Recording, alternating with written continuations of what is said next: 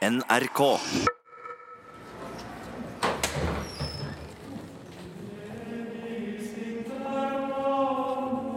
Det kristne kirkeårets mange røde dager går tilbake til de jødiske festdagene for mer enn 2000 år siden. Kirkehistoriker Jan Schumacher har fortalt om påsken i museum tidligere. Nå skal det handle om pinse. Ja, det er jo Igjen er det jo koblingen til den jødiske festkalenderen som er utgangspunktet. Eh, igjen er det Nå er det jo ikke evangeliene, men nå er det jo da det, den lille historieboken som en av evangelistene skrev, nemlig Lukas. Han eh, nøyde seg ikke bare med å skrive evangeliet, han skrev også apostlenes gjerninger. Og i det andre kapittelet i apostelgjerningene, eh, eller det første kapittelet, så forteller han jo om himmelfarten, Kristi himmelfartsdag, som jo da blir tidfestet nettopp av det som står der. I, eh, og så er det i kapittel to hvor han beretter om pinsefesten. Eh, Pentekostes. Det betyr jo, har jo egentlig med 50 å gjøre. Eh, det er også en fest som har noe å gjøre med naturen og med jordbruket. Og med, inn, med innhøstning og, og, og, slike ting. Eh, altså Vi er i et, et, et, område av verden hvor man, hvor man kan høste flere ganger. I, I, altså i Midtøsten? Ja. Eh, slik at eh, der Eh, slik at den knyttes også til en jødisk fest. slik at Derfor må også pinsen blir også pinsen bevegelig. Fordi påsken er bevegelig. Og alt dette henger jo sammen med at det er knyttet sammen med månens eh, si, månens faser og månens for, forgodtbefinnende, som gjør at noen år får vi tidlig påske, eh, tidlig pinse, andre år får vi sen påske og sen pinse. Så da kan man kanskje si at påsken den slutter når pinsen er over? Når pinsen er over, så pinsedagen er over, så slutter da slutter påsketiden med et brak. Da går vi over i det som heter det alminnelige kirkeår. Så da skifter vi farge fra den hvite fargen som har dominert i hele påsketiden og pinsen, pinsen til den grønne fargen den er på mandagen etter pinse, så er, da er den på plass. Da begynner vi på en måte eh, Ikke det, det, festløse halvår i kirkeåret høres veldig kjedelig ut, for det er jo, det er jo ikke så kjedelig, så kjedelig, men det er i hvert fall, det er i hvert fall på en måte det er da utfolde Det som vi har fortettet, har vært med på i påsken og pinsen, det skal nå utfoldes uke etter uke gjennom gjennom gudstjenestene i året. Og innimellom da, innimellom disse eh, normale søndagene, liksom, så kommer da festene for helgenene. Eh, som, vi, som, vi, også snakket om da vi så på de helgenstatuene. Da kommer festene for helgenene innimellom. Eh, som på en måte kan skape festdager midt i, midt i en vanlig uke. I flere programmer denne våren har museum tatt opp symbolikk og teologi fra jødisk og kristen religion knyttet til alle de røde dagene på denne årstiden. Påske, Kristi himmelfartsdag og pinse. Dette er det nest siste programmet i denne serien, og på annen pinsedag kommer museums siste ekstraprogram om dette temaet. Da er det fokus på den eldste kirkemusikken, gjerne knyttet til pinsen, og musikk som går enda lenger bakover i historien.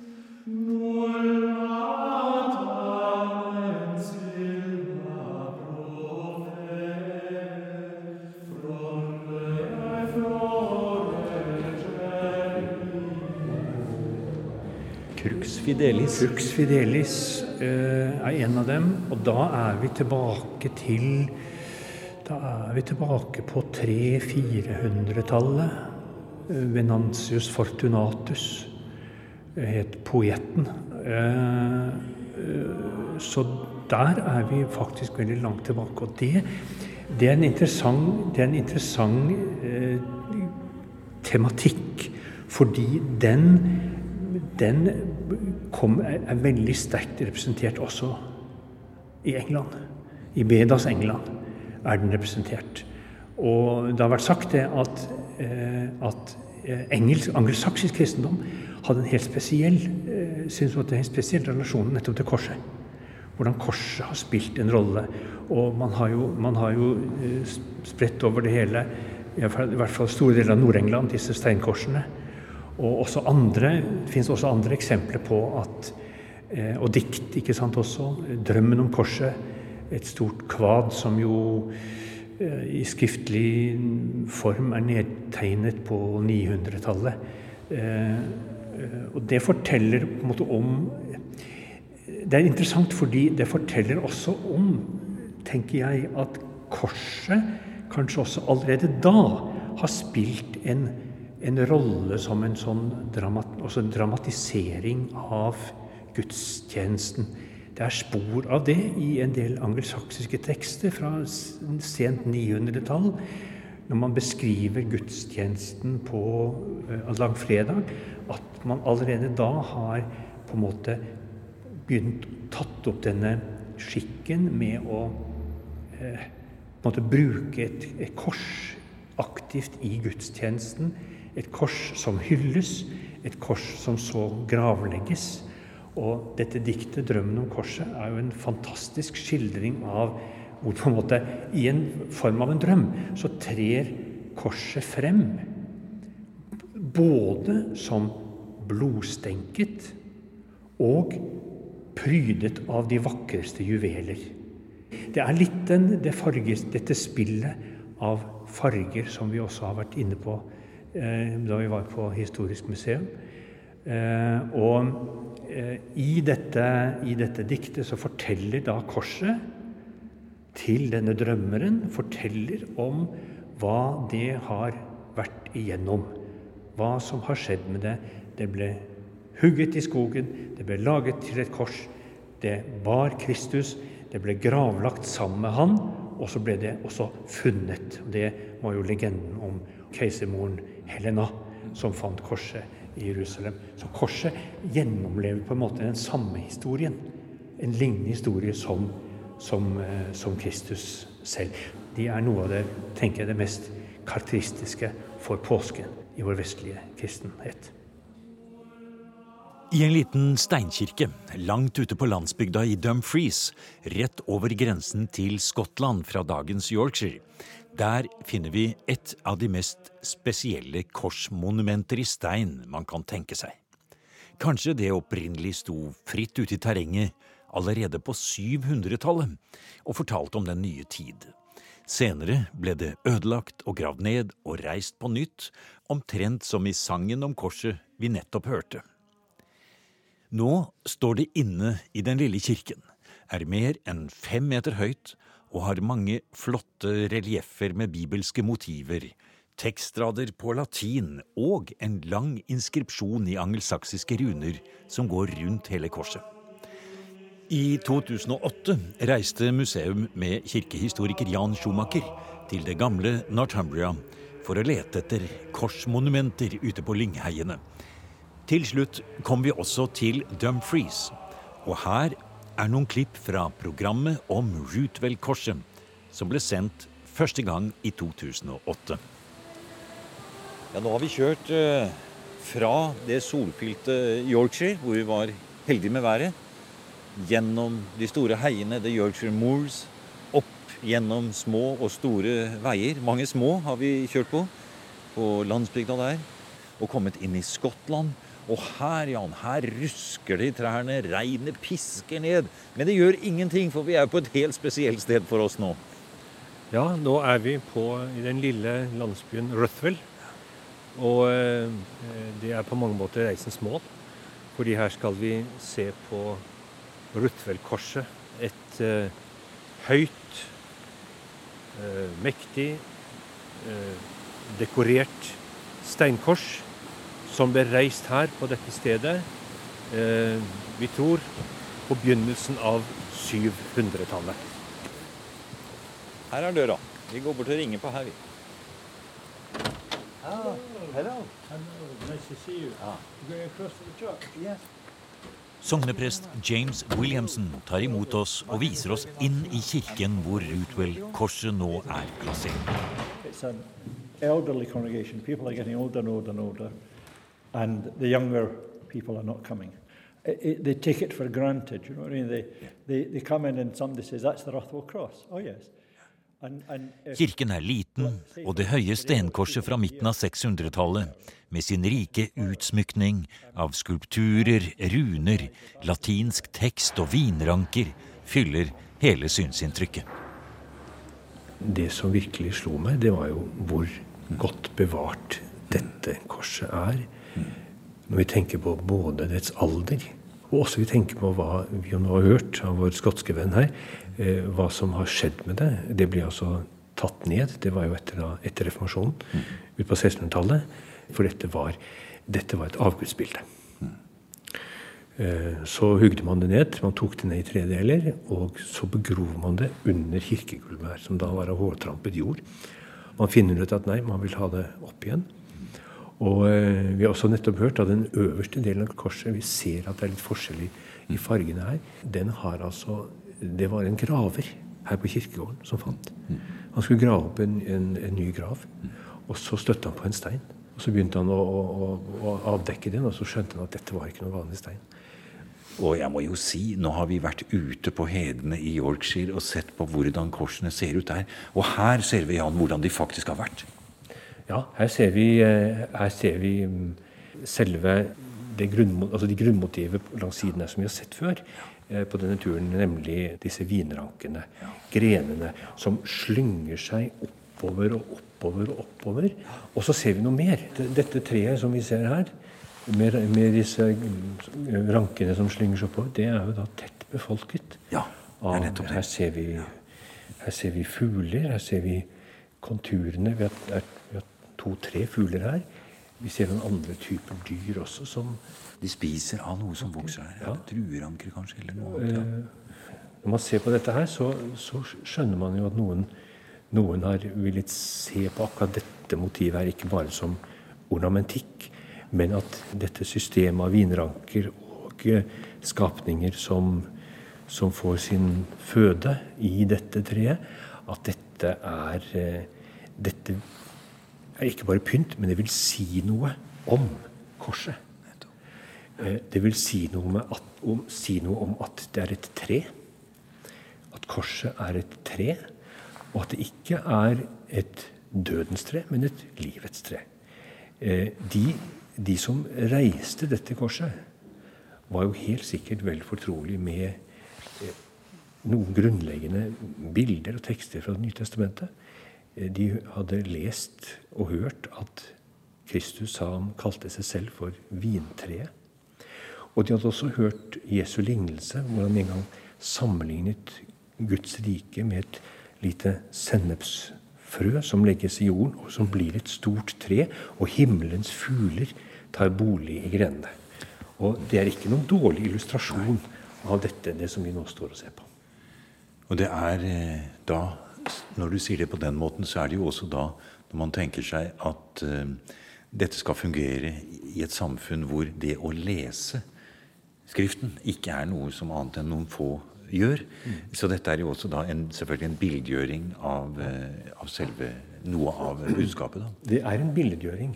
Mm. Men det er også en billedgjøring som også har tekst. Mm.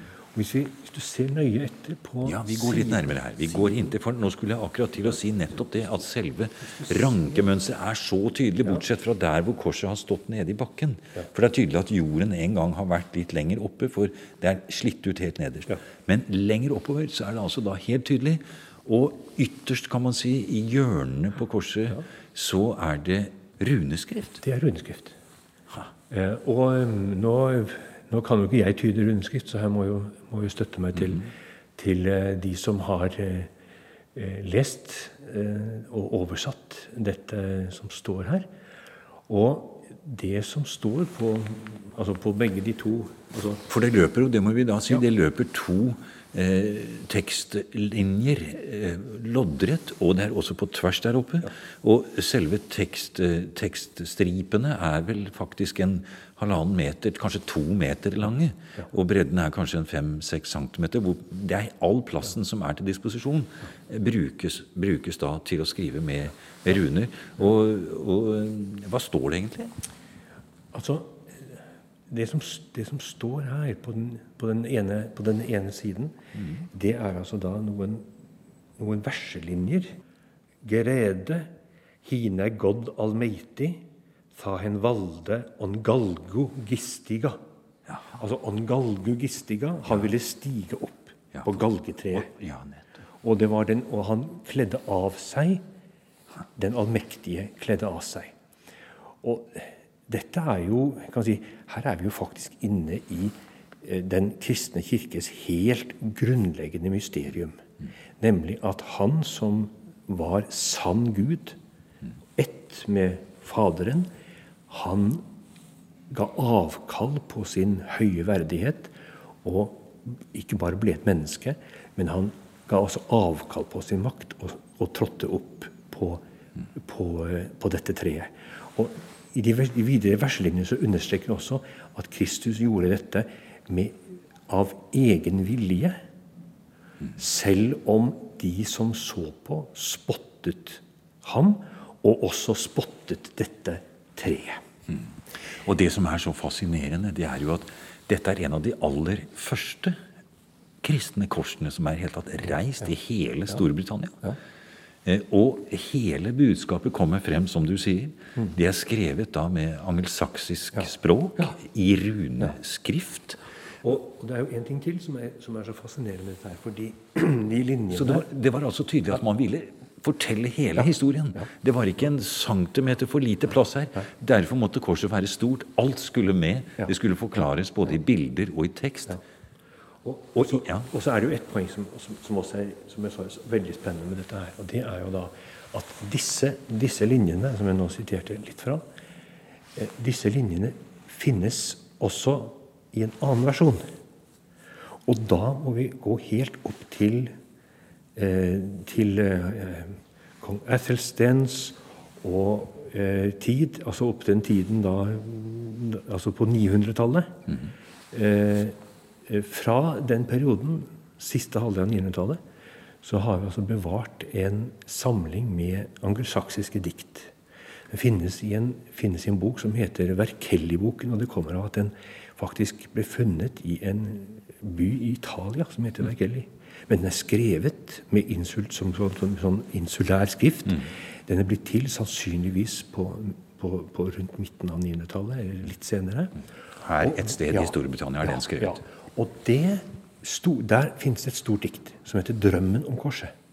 Og de linjene som finnes, som står på dette steinkorset fra ca. 730, de finnes også i selve diktet. Men diktet er mye, mye lengre. Ja. Altså, vi vet, jo, vi vet, jo, ingenting om hva som skjedde eh, mellom de to versjonene. Altså eh, runeversjonen som vi har her, mm.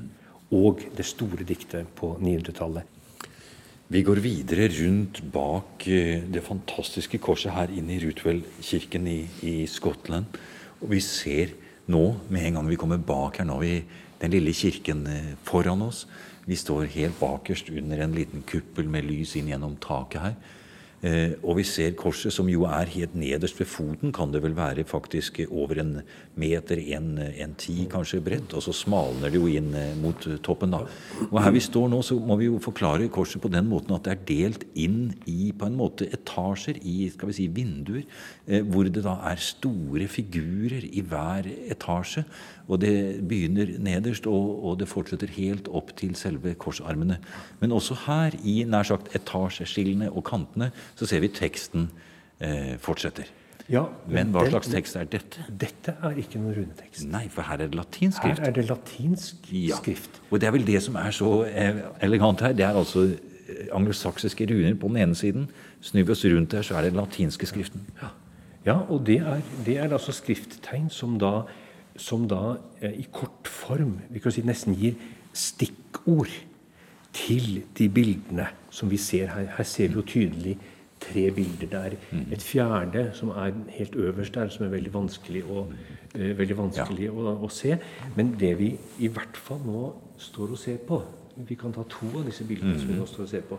Det ene er helt tydelig et Kristusbilde som vi står nå og ser. Står midt på. Ja. Det er det største og mest tydelige. Ja. Og det er, et, det er, et, bilde slik som vi ofte ser i kirkene. altså Det er en, på en måte en triumferende Kristus. Han har, Han ser ut til å ha hånden eh, løftet i en form for velsignelse.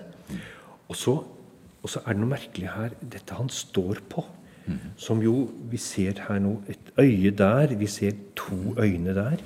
Og vi ser, vi ser noen utstikk der som, som, vi kan, som, i hvert fall har vært, som kan tydes på noen slags lemmer.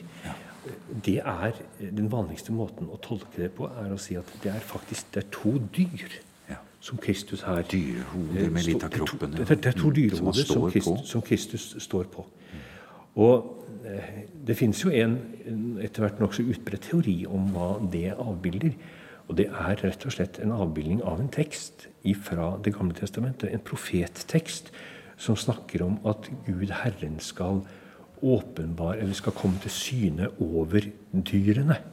Nå er det, nå er det faktisk en, en, en feiloversettelse av den latinske Vulgata-bibelen. Altså, den, det står ikke det på hebraisk, og det vet vi jo for lengst. at det er ikke det det står. Men det interessante er at akkurat den teksten, denne tekstbiten fra en av profetene, det var en, en, slags, en, et, et, en tekst som veldig ofte ble resitert i gudstjenestene, altså i munkenes morgengudstjeneste. Og en gjetning går, eh, en gjetning går jo da ut på at det er en indikator om at her er det, her er det et eller annet Dette kommer fra et miljø som har vært fortrolig med denne bestemte teksten. Altså Da peker vi jo nettopp i retning av at dette er et, et billedstein som har blitt til i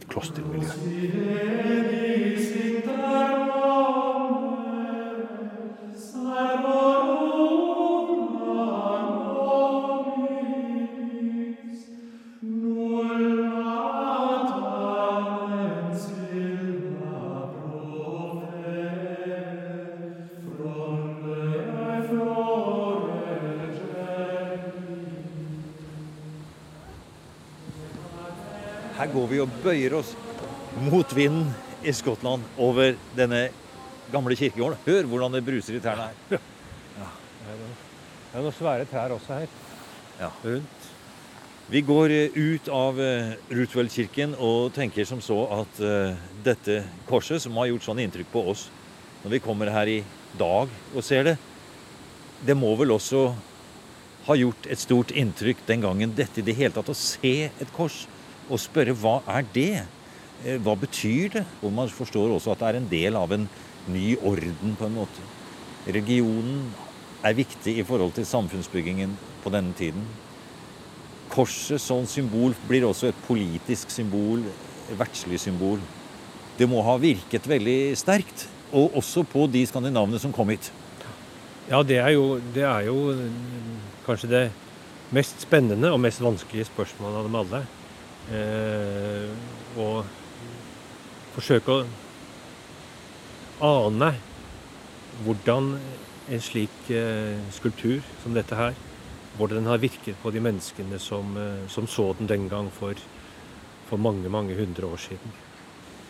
Man kunne nesten si, jeg fristes å si at det er en slags aksis mundi, en slags verdensakse, som vi nå har vært og sett på. Det er, er på en måte, det er stigen mellom himmel og jord som vi har sett. Og det er klart, og så ser vi, kommer vi ut her, og så ser vi disse store, stolte trærne, og det suser i dem. Og, og vi tenker på uh, fortellinger som uh, disse skandinavene kjente til, om verdens verdenstreet. Om Yggdrasils ask, ikke sant? Og her er det her er liksom, det blir spennende hvor liksom på en måte forestillinger begynner å flyte litt sammen. Og at det, at det tross alt måte, her finnes det noe, noe som appellerer til mennesker dypt, dypt nede. Og det er klart at hvis man skulle sammenfatte, hvis man sammenfatte betydningen av Rutfeldkorset, så er det kanskje det, det ligger det vel i dette at det, det faktisk er et av de aller første.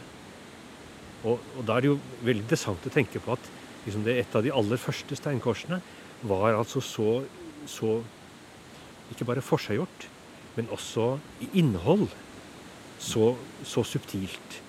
Og også eh, eh, Vi kunne si eh, sammenfatter så, så mange uttrykk for den, den troen. Altså, gjennom bilde, gjennom ornamentikk, gjennom eh, latinsk, gjennom, gjennom, gjennom latinsk språk, gjennom, gjennom eh, runespråk. Og jeg syns det går jo Jeg syns på en måte at hvis vi kan, vi kan slå en linje tilbake til det vi så da vi var i Dørheim. Vi så denne Lindes, dette Lindesfaren-evangeliet. Og Der så vi jo det samme i dette vakre evangeliehåndskriftet. Vi så skrifttegnene. Vi så bildene eh, som Altså eh, i denne boken. Vi så ornamentikken. Den insulære ornamentikken. Pynten. Og vi så jo, om ikke runene, så så vi jo den angelsaksiske oversettelsen, interlinjære oversettelsen av den latinske teksten. Så hvis man ser, det, ser man det på det perspektivet, så, så syns jeg nesten liksom at Rutvelkorset og Lindisfaren-evangeliet faktisk er i slekt med hverandre.